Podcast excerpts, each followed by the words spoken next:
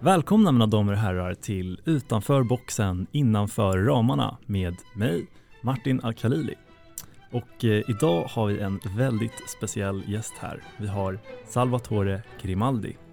Och eh, anledningen till att Salvatore är speciell är för att man kan se att han är en av Sveriges främsta entreprenörer, eh, industrimän, företagare, vad än ni vill kalla det, så var det så att när Grimaldi invandrade från Italien till Västerås i Sverige med sina föräldrar början av 50-talet så började han arbeta på Volvo och eh, efter det så startade han ett sliperi.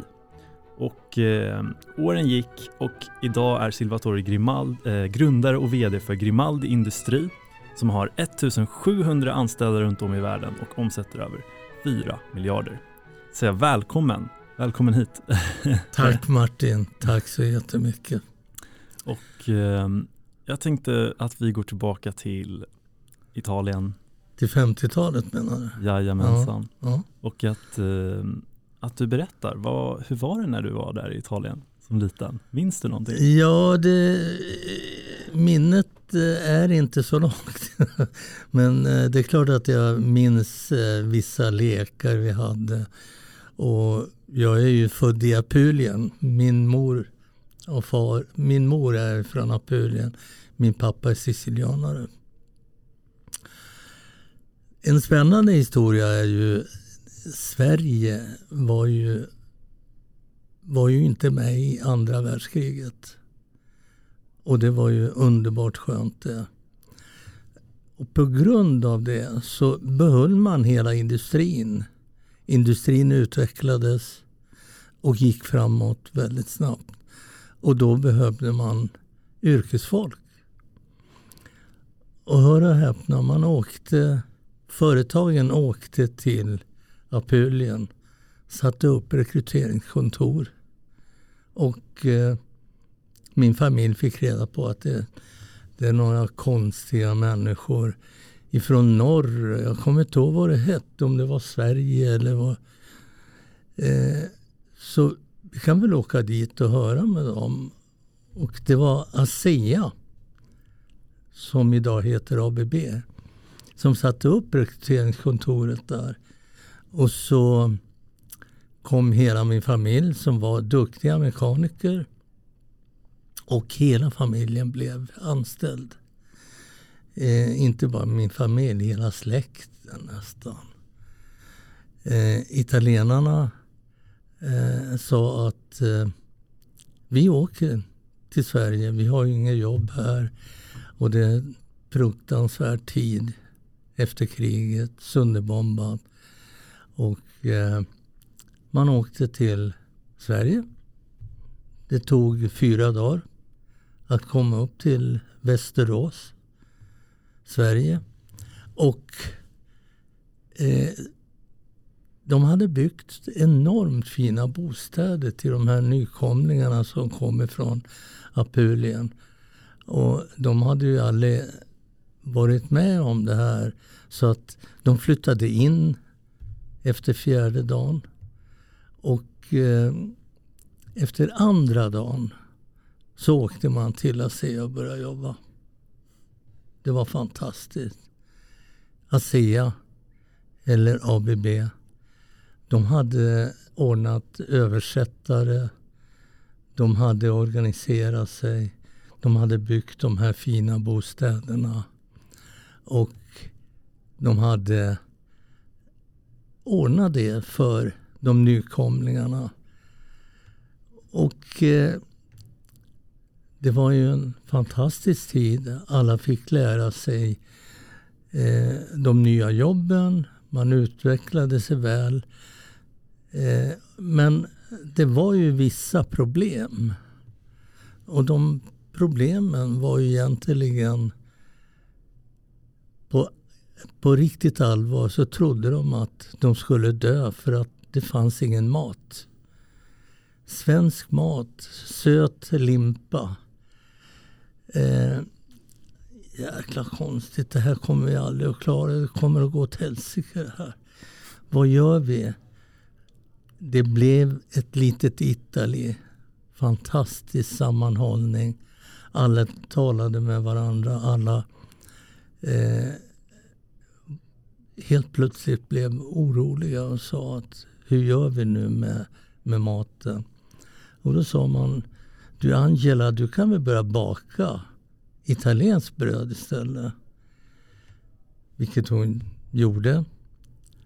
Italienarna började äta italienskt bröd istället. Men det fanns ju ingen pasta, det fanns inget vin, det fanns ju ingenting.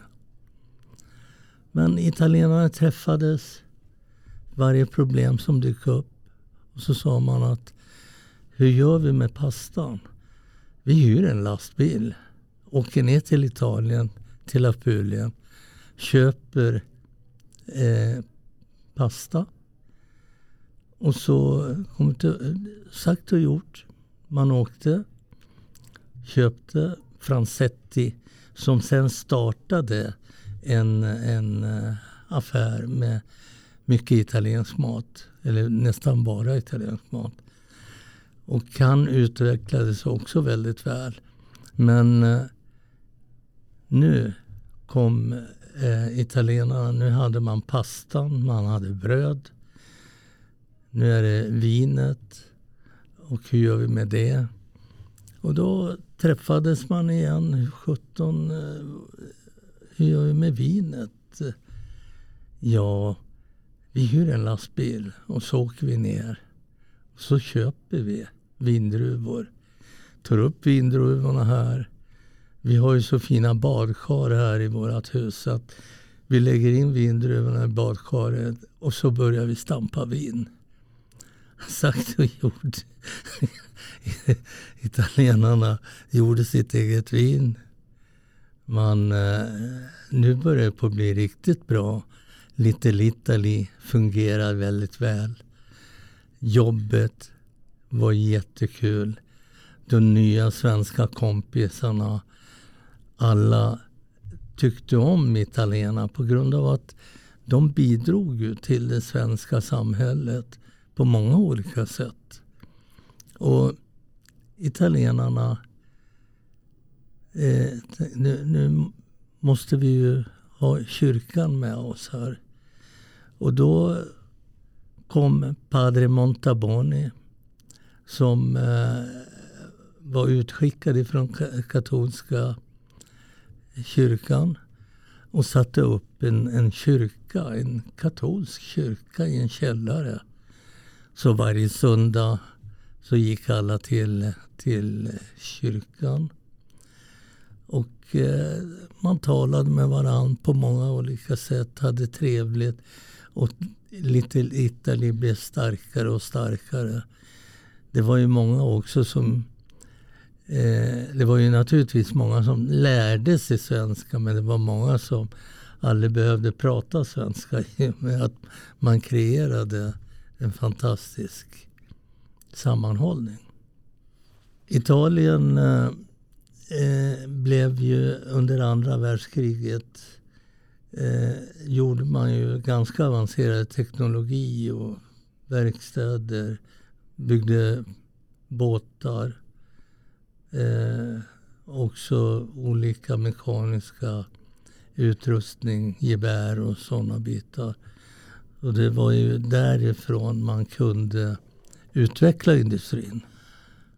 Ja, Italien blev... Eh, Italien och Sverige blev fantastiskt kopplade tillsammans. Och sen eh, hade man ju också en, många olika historier med Nacka Skoglund till exempel med, med idrotten och fotbollen. Eh, och eh, eh Robertino som sjöng hos Solemio. Alla skulle åka dit och titta på Robertino som sjöng och Solemia. Det, det var en fantastisk tid. Bara, inte bara för italienarna men för Sverige överhuvudtaget. Som utvecklade sig väldigt, väldigt internationellt. Sverige eh, är ju ett land som har lyckats oerhört väl med sin internationella industri. Och det är den som har utvecklat Sverige. Och därför tycker jag då entreprenörskap är en viktig del i vårt, sam, i, i vårt samhälle. En mycket, mycket stor del. Eh, jag roar mig ganska mycket med att eh, se och studera olikheterna. Man kan inte komma ifrån att vi har olika kulturer.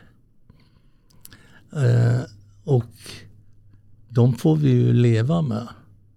De ska vi leva med. Eh, och eh, Italien, eh, jag, jag, tittade på, det finns ju många noterade bolag i Sverige. Kanske ett och ett halvt, två tusen noterade bolag i Sverige. I Italien finns det bara 500. Och det är ett mycket, mycket större land. Det är 60 miljoner invånare. I Sverige är det 10 miljoner. Vad kan det komma sig? Ja, Italien är ju familjeföretagarnas land. Familjeföretagen, familjen som bestämmer och dominerar. Och det är väldigt eh, viktigt att det går i arv. Och jag var och köpte en, en, en stickad mössa och det, den var italiensk. Och det var ett av de äldsta klädföretagen från 1730. Det är fantastiskt egentligen. Och eh, italienarna eh, tycker ju helt annorlunda här i Sverige ska vi utveckla bolagen internationellt. Vi talar ju, alla talar ju engelska här. Det gör man inte så mycket i Italien. Men eh, familjeföretagen är en viktig bit. Hur har, eh, hur har den här italienska uppväxten, den italienska kulturen eh, påverkat dig när du har arbetat i Sverige? Eh, med entreprenörskap och företagande. Hur har du liksom blandat de två? Vad har du lärt dig från ja. det italienska som du applicerat i det svenska? Nej, man kan väl säga så här att eh, jag var ju sju år när mina föräldrar flyttade till, till Sverige och Västerås. Eh, och eh, när man lämnar sitt hemland när man är sju år då minns man inte så mycket hur det var. Men jag har ju vidare då också utvecklat min, min företagsgrupp som också är väldigt, väldigt internationellt. Vi har ju företag både Kina, Japan, eh, Italien där vi just nu håller på att bygga en, en helt ny verkstad för det fantastiska varumärket Bianchi. Eh, och varför jag säger det, det är ett otroligt varumärke som också är ett av Italiens äldsta företag eh, inom cykel. Och eh, man får oerhörd uppskattning när man kommer och säger att det, det är jag som äger Bianchi.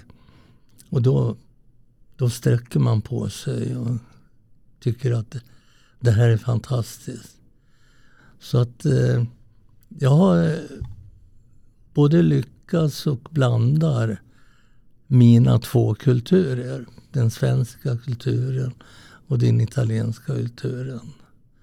Och det är klart att om, om man lyssnar på en italienare eh, och då säger man eh, men det är ju fantastiskt vad vi har gjort. Men ni med det här företaget, ni skulle kunna göra mycket mera, säger jag. Ja, Salvatore. Eh, vi tjänar en miljard. Något mera behöver vi inte. Det skulle vi aldrig en svensk säga. Och det är ju... Varför ska vi tjäna så mycket mer för. Det behövs inte. Och den kulturen är implanterad hos dem. Det är familjen. Och eh, hur gör vi? Hur utvecklar vi företaget för nästa generation? Det är ganska intressant. Väldigt intressant att förstå båda företagen. Och jag, jag märker att du, du fokuserar mycket på, på familjen. Det, det verkar vara någonting som är, som är väldigt viktigt. Um, om vi backar bandet lite när du kom till Sverige och um, du var här med din familj. Var det så att du kände en obligation att, att ta hand om din familj, att försörja dem? Nej, nej. nej. Inte alls, inte alls. Utan det var ju helt enkelt så att eh, jag blev far när jag var 18 år. Och då kände jag väldigt starkt. Jag, jag, kan, eh, jag, fick, jag fick sluta skolan eh, och börja. Och jag fick ett jobb på Volvo i Köping. På verkstadsgolvet. Då. Och eh, jag var ju eh, väldigt glad och tacksam att jag fick börja jobba på Volvo. Jag lärde mig maskinerna, svarvarna, slipmaskinerna. Eh, och jag jobbade väldigt mycket extra på, på macken. Sålde tidningar, gjorde massor med olika saker. För jag känner starkt att jag måste kunna ge min familj ett, en, en framtid, ett liv. Och eh, både ekonomiskt och eh, familjemässigt. Och det var, det var det som fa, fastnade i mitt huvud. Och eh, eh, utvecklingen har fortsatt på den linjen. Vad, vad, när du säger att du ville ge din familj en framtid, kände du att det fanns risker eh, om du inte agerade? Liksom, om du inte hade hjälpt din familj? Vad... Nej, jag kände, jag kände att eh, 18 år, jag tjänade 5 kronor i timmen på Volvo. Hur sjutton ska jag klara mig? Det var, det var ju min oro egentligen. Hur ska jag klara mig? Och då var det ju egentligen, det var en pengafråga helt enkelt. Det, det är bara att jobba på. Och, och det kan ju alla. Egentligen. Och det var ju på den vägen jag kom. Och sen helt plötsligt när jag stod i min maskin på Volvo. Då kom jag, ja men sjutton, jag är ju bäst av alla på, i mina maskiner här. Jag kanske ska köpa en maskin installerade mitt garage hemma.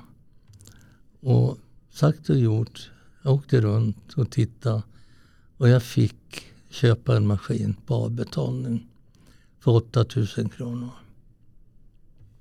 installerade den där och så gick jag och frågade min förman på Volvo om jag kunde få ta med mig lite jobb hem efter, efter arbetstidens slut.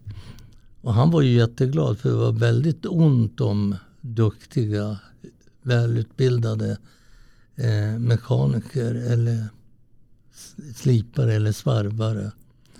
Så jag fick med mig jobb hem på kvällen och levererade på morgonen. Så det blev ju ganska långa dagar men, men eh, jag klarade ekonomin och det var mitt första mål så att säga. Och det, var en, det var en fantastisk tid också. Så jag jobbade kvar då på Volvo i ett halvt år. Och sen köpte jag nästa maskin. Och sen gick utvecklingen ganska så raskt mot eh, eh, att utveckla företaget. Jag gick till kommunen och frågade om jag fick köpa en tomt och så byggde jag en verkstad där. Och du, du var 18, 19, 20 år gammal vid den tiden? Ja. Hur, hur kände, kände du ingen, ehm, för du tog ju en risk, du behövde, du sa att du hade lite pengar. Nu behövde du köpa de här maskinerna. Var, var, du inte nervös eller kände du att du, du visste, du var säker och hade självförtroende att jag kommer att, det här kommer gå bra? Liksom. Nej, det var, det var ju så. Det är klart att jag tog en risk men jag hade ju ingenting att förlora. Jag hade ju ingenting. Så att det, eh, det var väl min utgångspunkt. Allting kunde ju bara gå bättre om, om turen var med mig. Och det, jag hade turen med mig många gånger. Jag utvecklade både min yrkeskunskap, yrkesskicklighet och med den så att säga fortsätter jag att utveckla mitt företag. Då.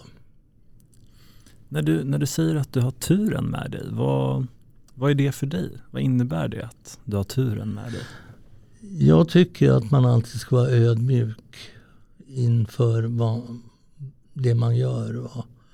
och det man åtar sig att göra och det man eh, lyckas med.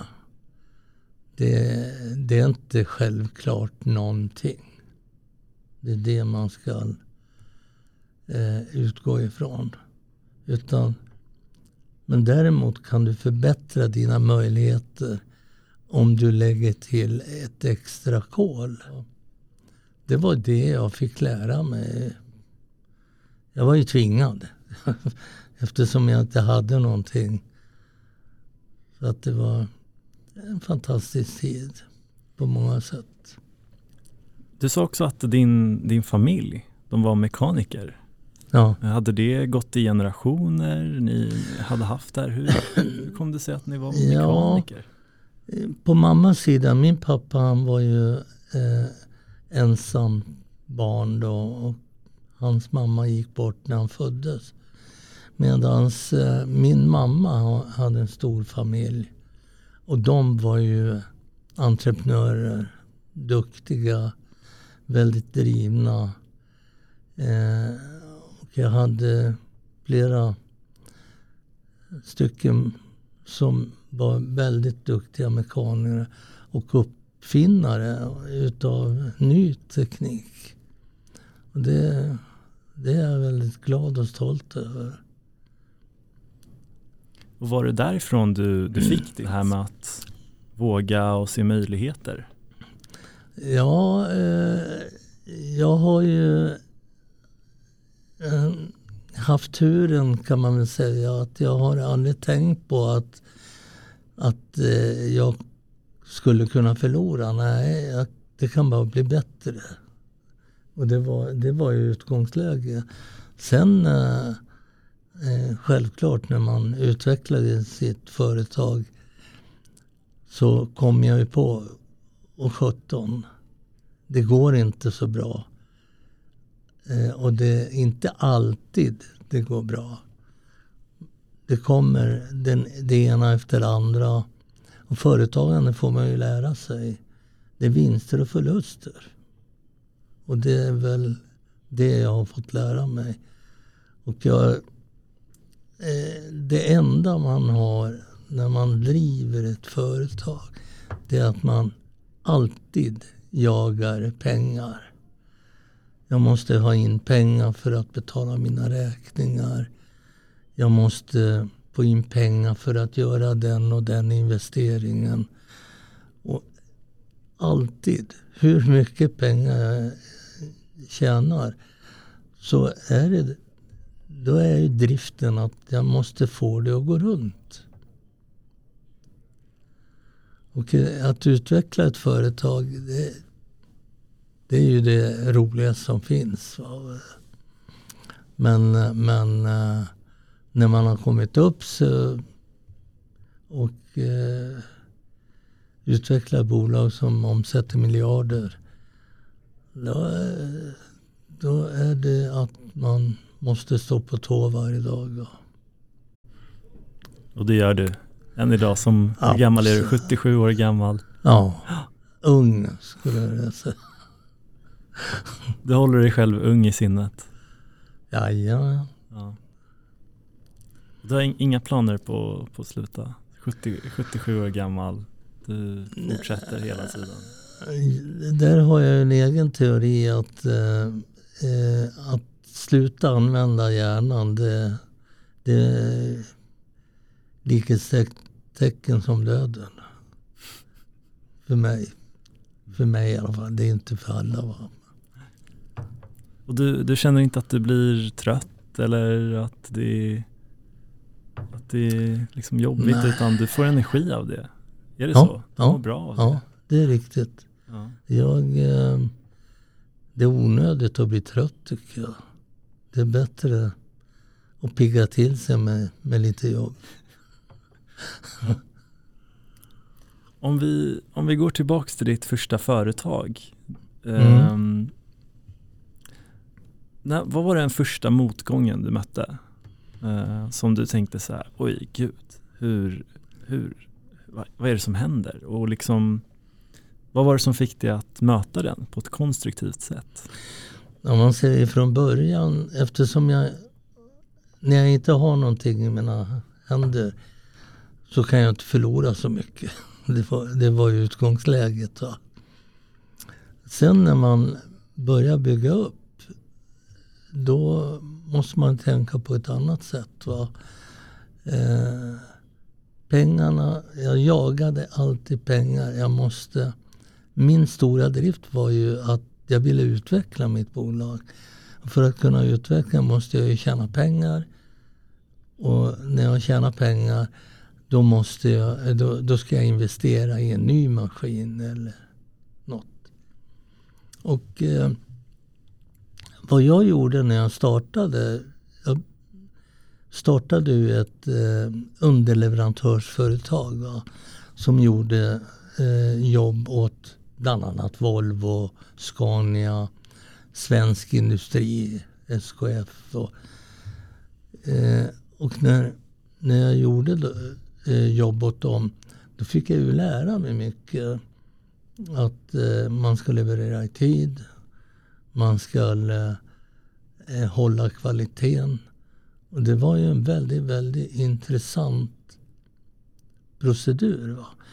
Och jag gick ju yrkesskolan i Västerås och fick lära mig det där. Men, men det är ju en väldig skillnad att starta eget då. Men i alla fall, jag blev ganska känd som eh, eh företag som gjorde de här precisionsjobben. Och precisionsjobben, det var ju då att man jobbade med en tusendels millimeter.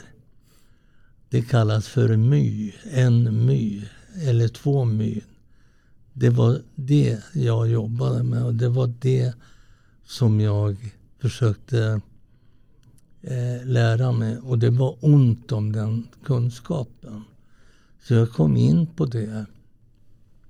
Och jag vet, jag fick ju jobb eh, ifrån svensk industri. Och bland annat då var det ett företag som utvecklade maskiner som gjorde CD-skivor. Och eh, det var ju oerhört små toleranser. Och, och då eh, jobbade jag, jag gjorde de jobben och eh, eh, för att de skulle vara säkra på att det var jag som gjorde dem. Då kom en, en förman eller någon och satt bredvid mig medan jag gjorde jobbet. För att vara säker på att, att det är jag som gör jobbet. Det var ju en, en väldigt stark känsla. Men i alla fall en, en dag så ringer den högsta chefen på Atlas Copco och säger du Salvatore, du ska köpa det här företaget. Köp? Nej. Jag visste ju hur dåligt det gick va? så att jag sa nej, nej tack. Och fråga mig varje gång jag pratade med dem. Då sa de att du kan väl komma upp och titta på det. Jag åkte upp, tittade på det på en måndag var det. På tisdag hade jag köpt företaget. Och, och eh, det fantastiska var ju att min oro var ju att jag inte skulle klara av det. Nu helt plötsligt hade jag 100 anställda eller 200. Och jag skulle ju betala lönen. Och, och, men om det inte går bra, hjälper ni mig då? Jajamän, det gör vi. Och de höll sitt ord och det var fantastiskt, tycker jag. Eh, jag tog hand om bolaget. Vi fick ingen order på sex månader. På ett, halv, eh, på, på ett halvt år. Vad sjutton händer egentligen? Varför får vi ingen order? Och eh, samtidigt så på, eh, gick det en, en mässa i, i Tyskland. Och sa vi, vi åker dit och tittar på, på den här och hur de gör CD-skivorna. Vi åkte dit. Första steget, jag glömmer aldrig, första steget jag tog där, då kände jag, aha, nu förstår jag varför vi inte får någon order. De gjorde en CD-skiva på 10 sekunder. Eh, för oss tog det 20 sekunder. Det var, man stoppade in granulatet i ena ändan på maskinen och den andra ändan så kom det en färdig skiva. Vi var långt därifrån. Och då sa jag till Kurt som var utvecklingschef som följde med då. Han sa då att, eller jag sa till honom, du Kurt, nu måste jag till Sundbyberg och stänga av bolaget. Det här kommer jag aldrig att gå. Eller förresten, sa jag, om du tar med dig din kudde hem till mig till Västerås så nu har vi sett det här hur de gör. Om vi hittar på något annat smartare. Eh, och han tog med sig sin kudde. Han låg hos mig i Västerås. Och då sa vi då att eh, hela två, andra, tredje veckan så, så sa jag bara hur dum jag hade varit som har gått in i det här. Och Kurt han var ju väldigt eh, eh, besviken att, eh, att han inte hade lyckats bättre. Men sen helt plötsligt så sa vi, nej, nu får vi sluta prata om det. Hur, hur gjorde konkurrenterna? Och då tog vi steg för steg, gick igenom det och så kom vi fram till att ja, men det där skulle vi också kunna göra. Och förresten, sa vi, vi skulle kunna halvera tiden. Fem sekunder istället. Och genom att vi har en plastspruta till i det här tåget. Vi sa då att eh, vi åker upp till Sundbyberg och så testar vi om det går. Och det lyckades. Det var fantastiskt. Nu, är det, nu var det vi som var nummer ett i världen på att producera de här CD-skivorna. Och eh, vi bjöd in alla kunderna. Och vi fick order av alla. Det var en fantastisk rolig grej. Vi putsade verkstaden med tandborsten. Så all, all, det var en fantastisk tid. Men eh, nu hade vi fått in det. Eh, vi blev nummer ett i världen. Och det var ju en fantastisk tillfredsställelse att åka runt hos sina kunder när de stampade Elvis-skivor när han gick bort då, med våra maskiner. Det var en fantastisk tid. Så att eh, sen gick ju en, en fortsatt tid där jag började göra förvärv av bolag. och eh, då kom jag in på eh, cyklar. Och det kom jag in på ett eh, konstigt sätt. Det var ju så att eh, för det första så kom den, den amerikanska banken och ville absolut köpa mitt företag. Och, och sa den, nej då, det, det, är inte till salu. Vi, vi tjänade väldigt bra med pengar. Men, eh, men du vet ju inte hur mycket vi är beredda att betala, sa de. Nej, det behöver jag inte veta heller, för jag säljer inte. Men de kom andra och tredje gången. Och tredje gången så sa jag, nej, nästa gång ni kommer så kom med ett bud. Får vi se vad mycket ni är beredda att betala för företaget. Och då fick jag ett pris som var fantastiskt. Och jag tänkte många gånger i mitt huvud, bara några sekunder. Och då sa jag att eh, nej, det är för dåligt. Det här det är alldeles för dåligt.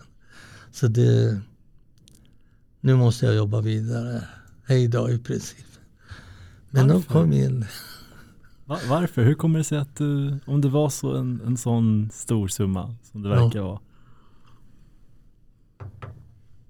Det var ju, det visade sig att eh, eh, och jag hade en stark känsla när jag pratade med dem. De skulle ha kunnat betalt mycket mer. Va? Så det var därför jag sa nej tack. Men de kom tillbaka ett par gånger till. Och sista gången när de kom med, med budet, då vågade jag inte säga nej längre. Utan jag tackade för budet. Jag sålde 70 procent och sen började vi utveckla bolaget emot börsen. Och det var, det var också en fantastisk tid. Det var en fantastisk tid att jobba ihop med eh, amerikanerna.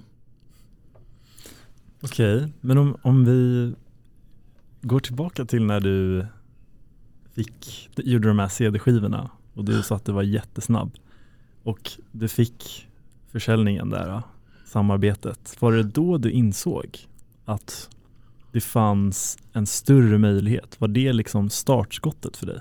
Var det då du såg en, en framtid där du kunde bygga någonting stort? Det, det är helt rätt det du säger. Va? För att jag hade aldrig tänkt mig att sluta ta pengarna och lev livet eller så. Jag är inte den typen. Utan ta pengarna men försöka utveckla något annat. Och det var det jag gjorde och så har det varit hela mitt liv. Det, eh, och det är därför man gått in, in, då gick man in i nya risker. Eh, nya sätt att jobba på, nya företag, nya produkter. Och det är, vågar man inte så blir det inget företag. Det, vi talade om, om, om eh, entreprenörskap eh, häromdagen. Och entreprenörskap helt enkelt en enda sak. Det är att ta risker. Vågar du inte ta risk, då kan du ju inte bygga eller utveckla något. Det går inte. Risk eh, är från italienskan. Ja. Eh, och det är risikare och det betyder eh, det är ett val man gör. To dare, att våga. Så risk är ett val. Mm. Det, det, det, är inget som bara händer. Det är inget som händer. Nej, det, nej men, men det är också lusten att kunna se. Klarar jag av det eller inte? Va? Så det, det, det följer med så mycket annat. Hur gammal var du när, när du gjorde de här äh, CD-skivorna? Så... Ja, jag var väl ja, 30. Okej, så sen kom banken, de köpte 70 procent. Och var det då du kom in i cyklar efter det? Nej, då var det... Då hade jag ju blivit erkänd på något sätt att jag, jag kunde förvär, förvärva ett bolag. Jag kunde utveckla bolaget. Och eh, det här med CD-skivor var ju väldigt spännande. Det var ju en global business. Så. Eh, det var väl kanske 20-30-tal kunder i världen. Och alla kände mig där. Att, att jag kunde göra CD-skivor. Nu hade jag fått pengar. Jag ägde fortfarande 30 procent. Men eh, samtidigt så eh, Robert Weil eh, hade ju då Monark Stiga. Han hade slagit ihop de här bolagen och noterat det på börsen. Och han var majoritetsägare. Och eh, då kom han till mig och frågade eh, om, om jag vore intresserad att ta över hans majoritets... Eh, och eh, det var ju spännande. Nu, nu tar jag över ett bolag som är på börsen. Och jag sa ja. Och sen började utvecklingen. Jag hade alltid... Eh, eh, jag hade nu tänkt mig att eh, Stiga, det är ju trädgårdsprodukter. Jag satte upp ett utvecklingsprogram där vi eh, utvecklade produkten oerhört väl. Så att eh, vi dubblade omsättningen på några år bara. Medans, eh, och, och där kom den holländska banken och ville köpa eh, schweiziska banken, förlåt. Och skulle, ville köpa. Och då hade jag lärt mig ungefär hur man be beter sig när man förhandlar med de här stora bankerna. Och eh, vi gjorde upp ett avtal. Eh, de tog över. Och då hade jag en ny strategi. Det är att nu går jag in på cyklar och försöka utveckla cykel. eh, affärerna istället. Jag tog över Monark Stiga utav Robert Weil. Det fanns många företag i, i världen som man skulle kunna förvärva. Och bland annat var det eh, den franska delen med Peugeot och Gitan som jag tog över. Nu blev vi internationella. Och sen tänkte jag, det vore kul när man är italienare. Tänk om man kan förvärva Bianchi. Och jag kommer ihåg när jag åkte ner dit. Nu hade jag lärt mig hur amerikanerna gjorde när de kom. Så jag knackade på dörren och sa eh, jag presenterade mig och så sa jag att eh, jag är intresserad av att köpa det här företaget. Tittade konstigt på mig och så pekade de på dörren. Och jag förstod att eh, det var inget bra så jag fick gå ut. Men i alla fall efter något år, ett eller två år, då kom de. Och sa, var det inte du som var intresserad av Bianca? Jo, sa jag det. Och eh, då fick jag åka ner igen, sätta mig och förhandla med dem. Och det var ju då Giovannini, den eh, eh, Giovannini, det var advokatens efter som skulle ta över efter eh, Giovanni Agnelli. Eh, fantastisk person. Eh, och de förvärvade Bianchi på grund av att de hade en, en, en bil som de, de utvecklade också. Auto Bianchi. Eh, och de, de entreprenörerna på den tiden var ju otroligt genialiska, smarta. Utvecklade massor med olika produkter. Va? Båtmotorer gjorde han, bilar, eh, Eh, mopeder. Så det var det han ville ha. Han ville inte ha cyklarna. Utan, men jag satte mig eh, i alla fall och förhandlade med honom. Och så, så sa han att eh, nu när vi skriver på avtal så vill jag bjuda på lunch. Vi satt åt lunch och han säger då att eh, jag eh, känner mig inte riktigt bra i magen. Så, men jag vill att ni ska äta. Vi åt och sen eh, efter något år så eh, gick han bort i cancer. Så att han var... Och det var ju... Han, det, det var han som skulle ta över hela Fiat-koncernen och utveckla det vidare. Men eh, det var någon som inte ville det. Så är livet ibland. Mm. Och behövde du um, hitta någon ny person i så fall? Vad, uh, vad gjorde du? Vad var ditt steg efter det? Nej, jag tog över bolaget. Ja. Och uh, i och med att jag tog över bolaget så strukturerade jag upp bolaget själv. Jag började uh, förstå hur bolaget eh, gick och såg ut. Det, de hade ju inte tjänat pengar på länge. Så att, och nu efter många år så bygger vi en helt ny fabrik som kommer att bli världens eh, mest eh, automatiserade och smarta smartfabrik. Wow. Um, jag tänker... Jag kom därifrån igår. Där. Okay. Vart ligger fabriken?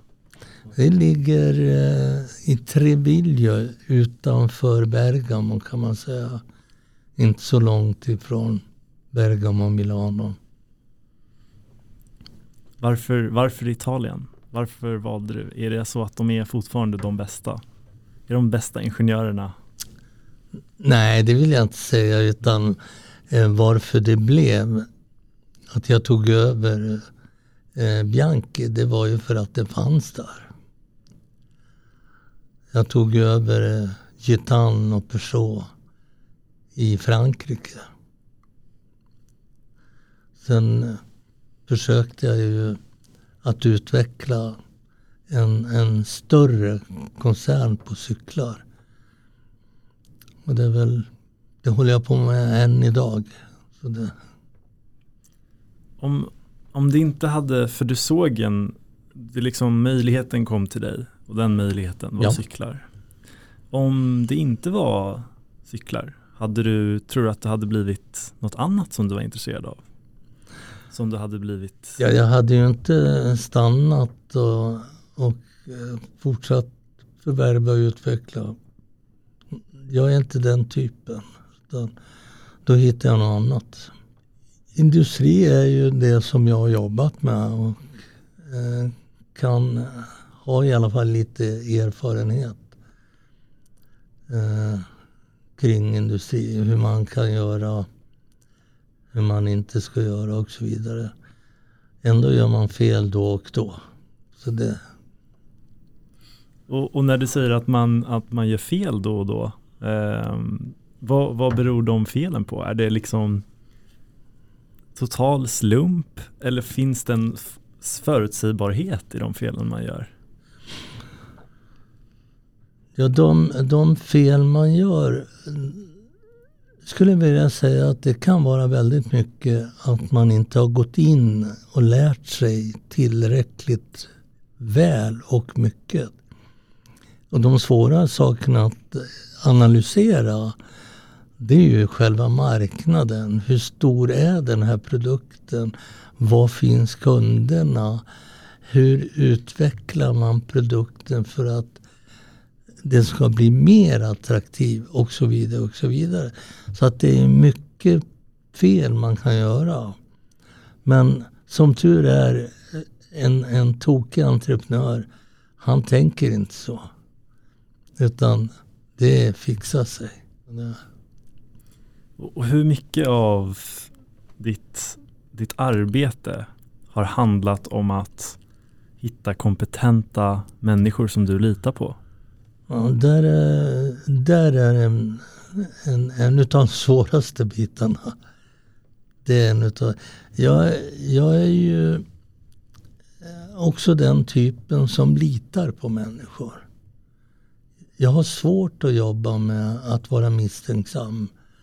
Att han eh, kommer att lura mig, han är inte tillräckligt bra eller så. Då, då litar jag 100 procent. Tills den dagen jag kommer på att det var inte så här. Det, och jag vet inte, det kanske är så det ska vara. Annars vågar man ju inte ta några risker. Hur kommer det sig att du, att du litar på människor? Tror du att det är din uppväxt eller? För det är många som inte gör det. Jo, det kan vara med det italienska kan jag tänka. Familjen. Familjekänslan. Eh, I familjen litar man på varann. Eh, inte utanför familjen, men familjen. Och det, det kan vara det. Mm. Och vad, vad gjorde du när, om du märkte att någon inte betedde sig som de skulle, hände det ofta? Nej, det vill jag inte säga, men det händer. Det händer. Och eh, det var ju ungefär vad jag sa, att när jag kommer på att det inte går, då, då blir jag dels först ledsen och, och beskyller mig själv hur jävla dum jag har varit. Eh, och sen säger jag till att nu måste vi skilja på, på oss. Så det. Vill du berätta en, en historia? Är du okej okay med det? Någon, någonting som hände för Jag, jag vill glömma dem Okej, vi gör så. vad, vad skulle du säga var ditt mest lyckade förvärv? Som du är väldigt stolt över? Eh, eh det är flera, men det första är ju det här med CD-skivorna. Det, det är det absolut. Och det var där jag fick mera modet, kan man säga. Och, och jag har tänkt på det ganska mycket. Varför och var fick jag allt det här modet ifrån? Ja, det tror, det tror jag var för att jag fick förvärva det utav det här företaget. Eh, och jag ville visa dem att jag kommer att klara det. Och de hade varit väldigt schyssta mot mig. Så att eh, jag tror att det var det var ju helt enkelt, då hade jag tagit ett steg. Och då hade jag lärt mig att jag kommer att göra flera misstag. Att du, du har ändå inställningen att här, misstag kommer ske. Och, eh, det känns som att eh, du har en acceptans inför det. Att misstag kommer att ske. Vad, vad tror du att den acceptansen kommer ifrån? Ja, jag är ju... Eh,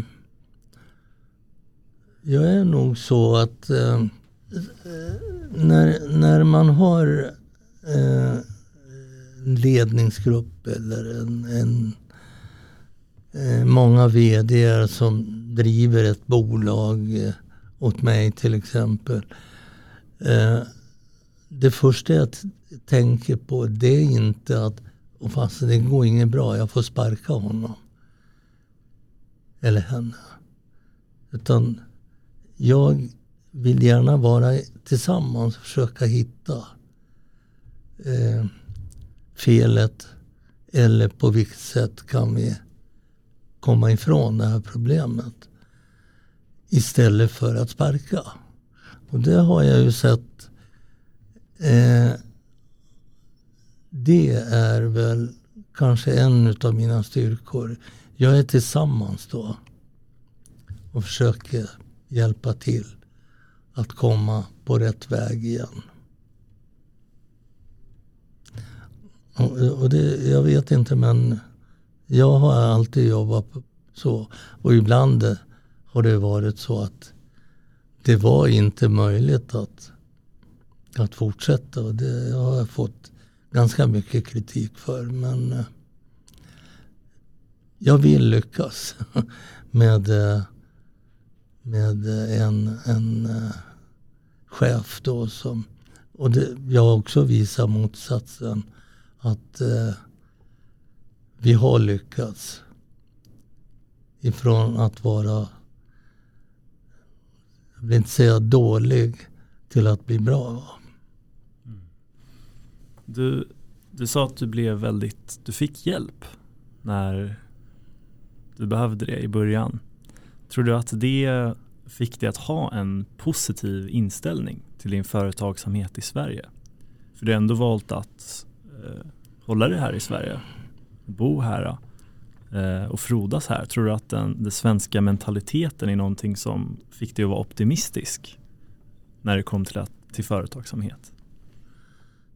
Man får komma ihåg, alltså jag fick hjälp och jag, jag vet ju varför jag fick hjälp. För att jag hade ett unikt kunnande. Det, det var väl det som låg i botten. Och, och eh, att fortsätta att vara på den nivån. Det är väl det jag har jobbat med ganska mycket.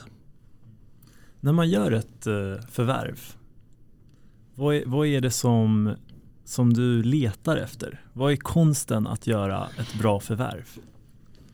Ja, eh, förvärv gör man ju av många olika orsaker.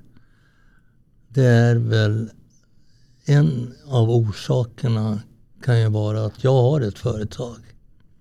Och om jag gör det här förvärvet då kan det här företaget gå bättre. Och det kallas för synergier. Då. Och har man synergier då kan man utveckla på ett mycket, mycket snabbare sätt och ett bättre sätt.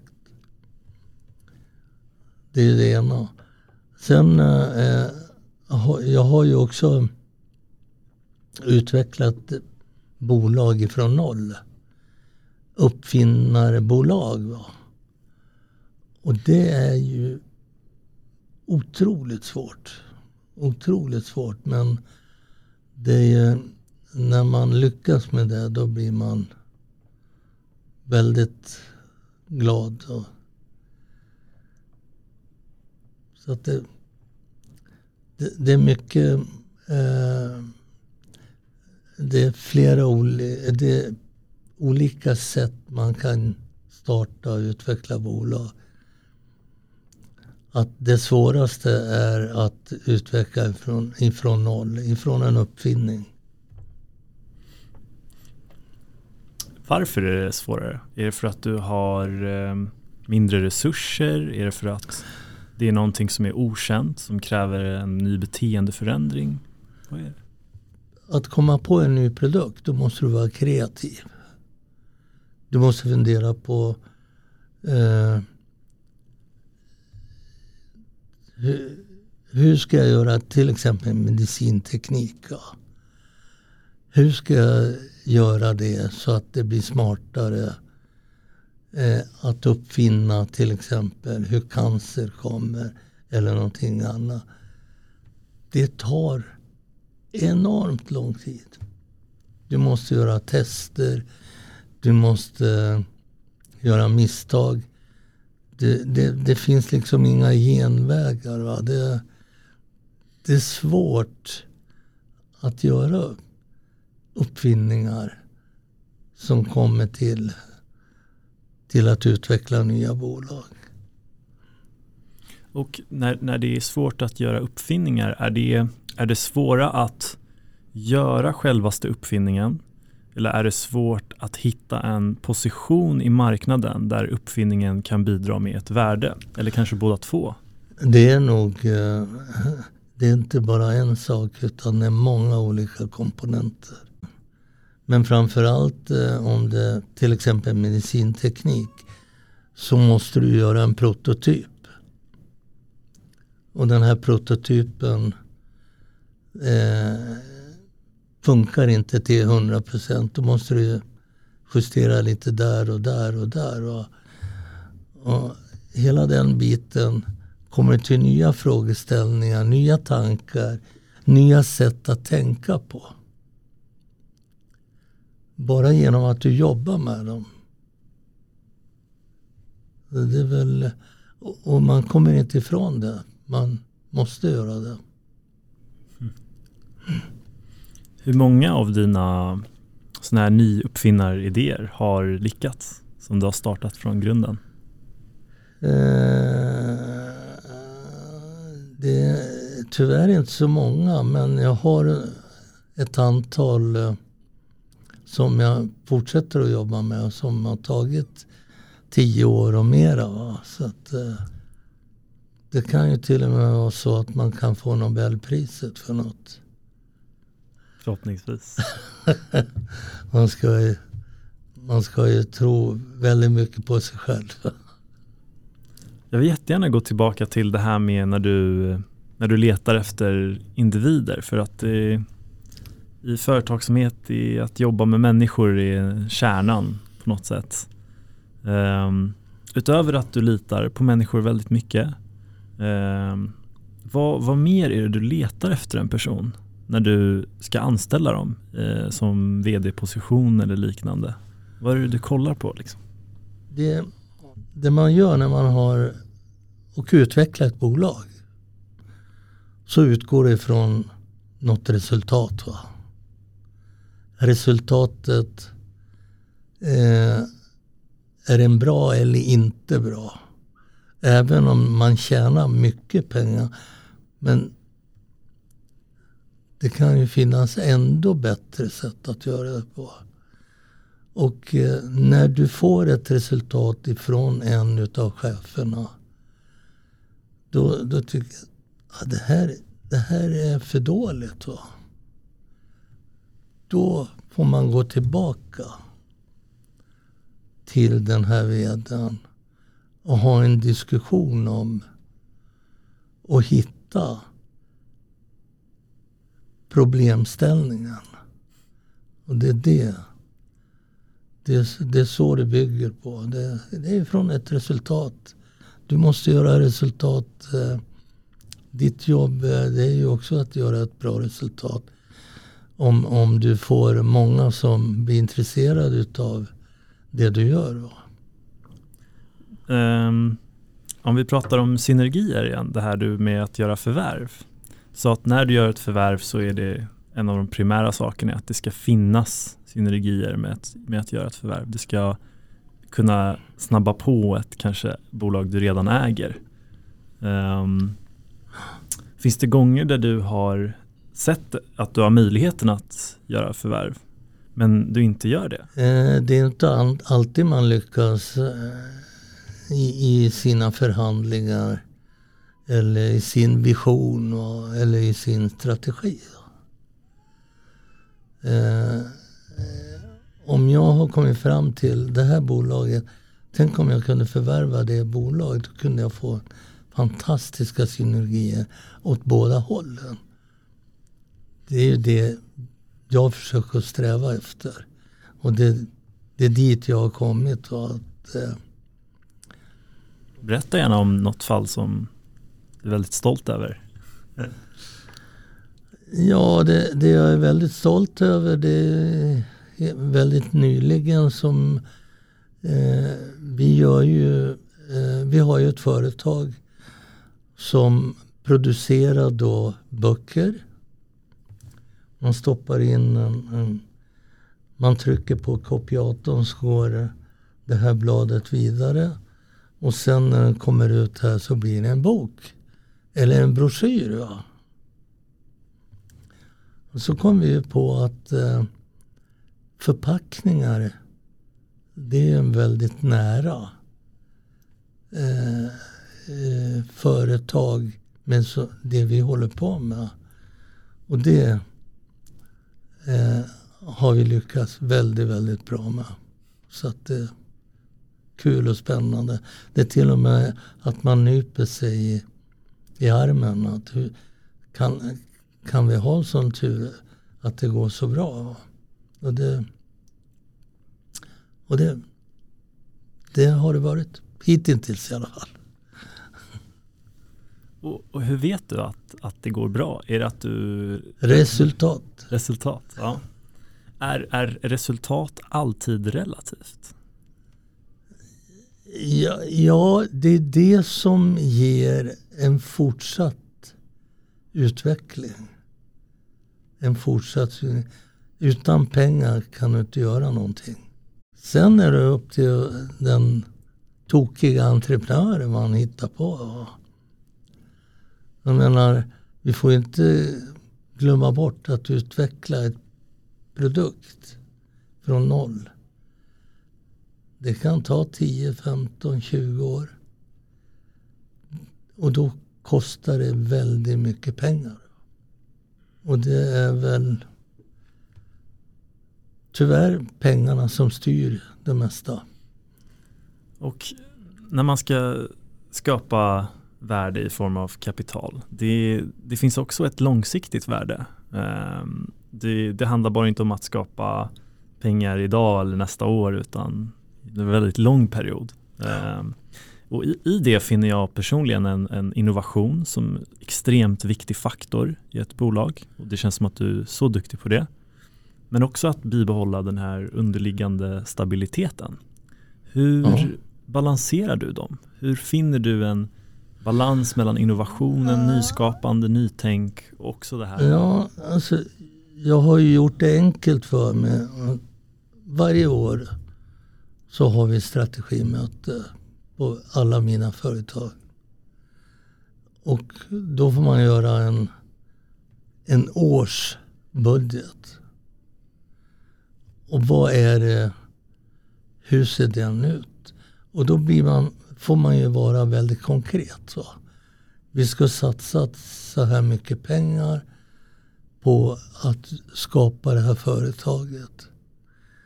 Och eh, vi har synergier där och där. Eh, hur mycket pengar lägger du in där för att få fram synergierna? Och det, det är den här planen eller strategin eller en flerårsplan. Och det är det man jobbar med. Vi jobbar så i alla fall. Det är, det är så kul när jag, jag pratar med dig. Jag inser att du är väldigt konkret och du håller det väldigt enkelt. Du överkomplicerar inte saker. Det är jätteintressant att se verkligen. Ja, det, det är lite av min grej kan man säga. Det, att göra det enkelt. Ja, för att jag ska kunna eh, hålla dem i huvudet. Egentligen. Enklare att hålla saker i huvudet än att, att komplicera det. Men jag, jag har alltid jobbat så. Det är väl det kan, kan ju vara så att jag är inte smartare än det. Utan det... Jag försöker hålla det i, i mitt huvud enkelt. Men det känns som att enkelheten ger gedigna resultat. Verkligen. Ja. ja.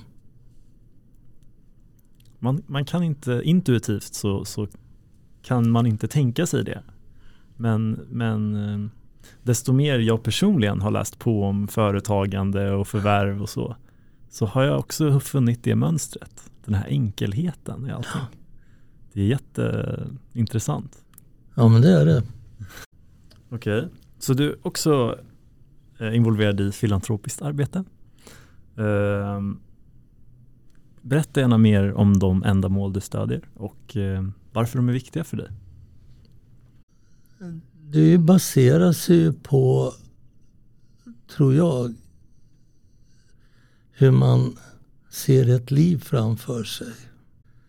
Man kan göra komplicerat livet. Man kan uh, råka ut för problem i livet. Det, det är ingen som kommer undan det. En levande människa kommer aldrig undan det. Man kan, man kan bli alkoholist, man kan bli narkoman. Man, hur håller man sig ifrån det? Det är ju, tror jag, att nu är jag tillbaka till familjen igen. Vill jag se mina barn knarka? Nej, det är ingen som vill. Jag tror att eh, till syvende och sist så kommer det där och styrkan att kunna komma ifrån det. Att hamna i sådana situationer. Och det är svårt. Jag ska inte sitta här och säga att eh, varför blir man narkoman? Varför blir man alkoholist? Och när man hamnar där, varför är det så svårt att komma ifrån? Och då, man får sig en tankeställare. Man ska komma ihåg att det finns sådana situationer för alla människor. Men det är man ska staka ut vad är det jag vill i mitt liv. Och det, det viktiga är ändå, det är ju familjen. Det finns inget viktigare. Vad betyder familj för dig? Det är inte så att jag ska vara dadda. Och, utan familjen ska ju kunna stimulera mig också. Och, äh, älskar familjen. Äh, älskar att se en utveckling i familjen. Äh, det är väl det är ju utvecklingen man strävar efter. Du pratade om att det är tyvärr många som inte kan möta motgångar på ett konstruktivt sätt. Jag personligen tror att kärlek är en viktig komponent i det. Absolut. Ja. Vad har kärlek spelat för roll i ditt liv? Ja, det är kärlek. Det är familjekärlek. Det är det som är styrkan. Du har så rätt. Det är bra. Tänker du så, då kommer det att gå bra för dig. Jag försöker så mycket som möjligt. Bra. Så du skulle säga att när du möter motgångar i livet så har en stark drivkraft också varit kärleken? Ja. Och att utveckla ja. det? Det är väl grunden till alla framgångar. Kan, kan det vara så att den stackars narkomanen eller alkoholisten inte hade det? Det tror jag personligen. Det fanns ja, en frånvaro av det, familj, av kärlek. Ja, det ligger mycket i det. Och det är alltså därför du involverar dig i filantropi och de här organisationerna. Det är för att du, du har en människosyn, du tror på människan. Det skulle vara fruktansvärt om man inte tror på eh, människor och framtiden. Det tror jag inte funkar. I alla fall inte för mig. Mm. Vad, vad önskar du att du går tillbaka till dig själv när du var 20 år gammal? 23 år gammal. Vad skulle du säga till dig själv om du såg dig själv nu som 23-åring? Vad hade du berättat? Det är en omöjlig fråga tror jag. För mig har, har det varit att eh, jag tror jag hade en, eh, en slogan. Alltså, jag sa Grimaldi Industri i ständig utveckling. Tyckte jag passade bra, väldigt bra för mig. Vad sen utveckling är, det är, några, det, det, är inte den frågan vi ska utveckla. Utan. Men i ständig utveckling är fantastiskt egentligen. Och det är det jag gör med mina företag. Har har du haft någon förebild eller mentor i ditt liv som har haft en stor inverkan på dig? När du var liten eller när du växte upp? Någon som du läst om eller någon på tv eller någonting? Ja, jag har nog... Eh, eh, jag har nog eh, hela tiden hållit på att gneta själv på något konstigt sätt. När jag tänker... Jag vill alltid göra något själv.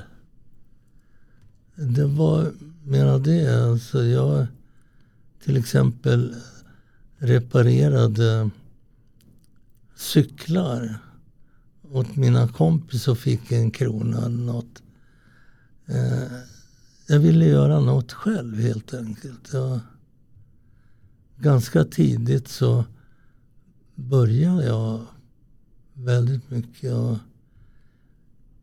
eh, anlade en golfbana. Jag var nog inte gammal då. Jag var kanske 13 år eller något sånt. Då.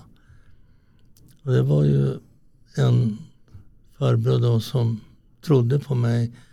Ja, men, hjälp mig så och, och fixa den här golfbanan, minigolfbanan var det.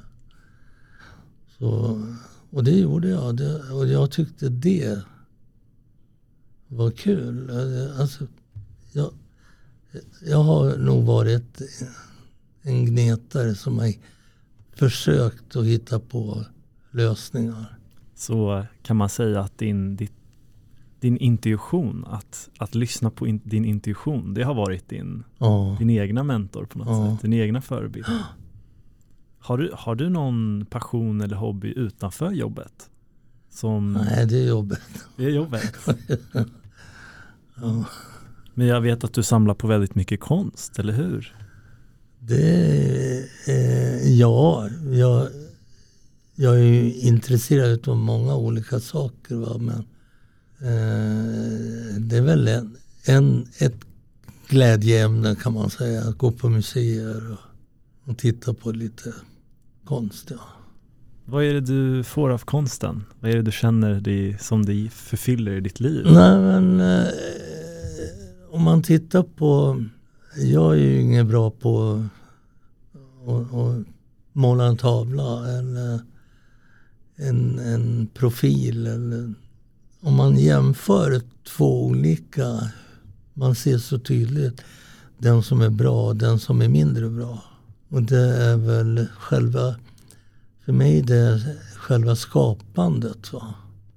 som kommer inifrån. Det, Så konsten för dig är en, Det är- skapande. en illustration av skapandet som du finner i dig själv, i människan, livet, att Ja. skapa liksom. Ja. Du tycker om det, du blir inspirerad av det. Eh, och sen finner jag glädje i det. Va? När, titta på Leonardo da Vinci, vilken, vilken kille. Va? Det är någonting med människan att vi älskar skapa. Ja. Alla konstnärer, Bach och Leonardo da Vinci och företagsamhet. Och det är någonting. Du såg ju eh, Leonardo da Vinci, han, han köpte döda människor och dissekerade dem för att han skulle kunna måla av dem på rätt sätt. Eh, och fick tillåtelse utav katolska kyrkan. ja. Det var ju absolut inte tillåtet. Men han fick det i alla fall till slut. Men man ser ju också eh, resultaten han får fram. Nu har ju varit i mycket olika områden. Absolut. Det är, det är det som den här podden handlar om, att utforska alla områden. Allting. Livet, konst, eh, kärlek, företagsamhet, mening. Ja. Vad är mening för dig? Men jag tror vi har eh, försökt få fram det. Det är ju då att finna till, tillfredsställelse för det jag gör. Förenklat. Det är väl det som är livets mening. Va? Finner du inte det då kanske du blir narkoman. Eller? Så entreprenören, om vi tar det sista. Entreprenören. Det är den som skapar företagsamhet och som skapar människor. Utvecklar människor. Det brinner jag för. Och det, jag blir så glad när jag ser entreprenörer göra olika saker. Låt oss kollektivt på samhällsnivå, på individuell nivå, på emotionell nivå, på intellektuell nivå skapa tillsammans. Tack så mycket Salvatore Grimaldi för att du var med och delade med, delade med dig. Tack själv.